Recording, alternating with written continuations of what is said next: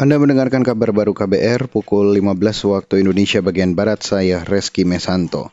Saudara Presiden Joko Widodo mencabut ribuan izin perusahaan tambang yang tidak beroperasi. Hari ini, Jokowi juga mencabut ribuan hak pengelolaan lahan di sektor kehutanan dan hak guna usaha di sektor perkebunan. Hari ini sebanyak 2.078 izin perusahaan penambangan minerba kita cabut karena tidak pernah menyampaikan rencana kerja, izin yang sudah bertahun-tahun telah diberikan tetapi tidak dikerjakan dan ini menyebabkan tersandranya pemanfaatan sumber daya alam untuk meningkatkan kesejahteraan rakyat. Presiden Jokowi juga mencabut 192 izin di sektor kehutanan seluas 3,1 juta hektar. Kepala negara menegaskan izin-izin itu dicabut karena perusahaan pemegang izin pengelolaan lahan tidak aktif, tidak membuat rencana kerja dan menelantarkan lahan.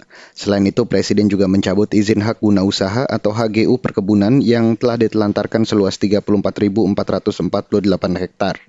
Beralih ke berita selanjutnya, Saudara. Mabes Polri meluncurkan aplikasi monitoring karantina presisi di Bandara Soekarno-Hatta, Tangerang hari ini. Menurut Kapolri, Listio Sigit Prabowo, peluncuran aplikasi ini menjadi tindak lanjut arahan Presiden Joko Widodo terkait pengawasan pelaku perjalanan internasional menjalani karantina yang sesuai aturan. Baru saja kami melaksanakan uh, launching aplikasi monitoring karantina presisi di mana aplikasi ini merupakan bagian tindak lanjut kami melaksanakan arahan dari Bapak Presiden untuk melakukan pengawasan secara lebih ketat. Kapolri Listio Sigit Prabowo menjelaskan aplikasi ini merupakan pengembangan koordinasi guna mengawasi masyarakat yang tengah dikarantina Aplikasi monitoring karantina presisi ini kata dia bisa membantu kinerja petugas di lapangan memantau pelaksanaan karantina. Kapolri juga mengingatkan petugas di Command Center Mabes Polri akan memantau setiap pergerakan pelaku karantina lewat aplikasi itu. Saudara, kasus COVID-19 di India menembus angka 90 ribu dalam 24 jam terakhir.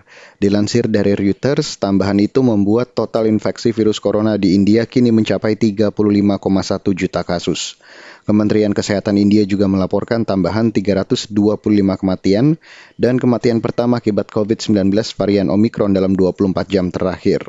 Pemerintah India juga dikabarkan mulai menggenjot vaksinasi dan memulai memvaksinasi remaja 15 hingga 18 tahun.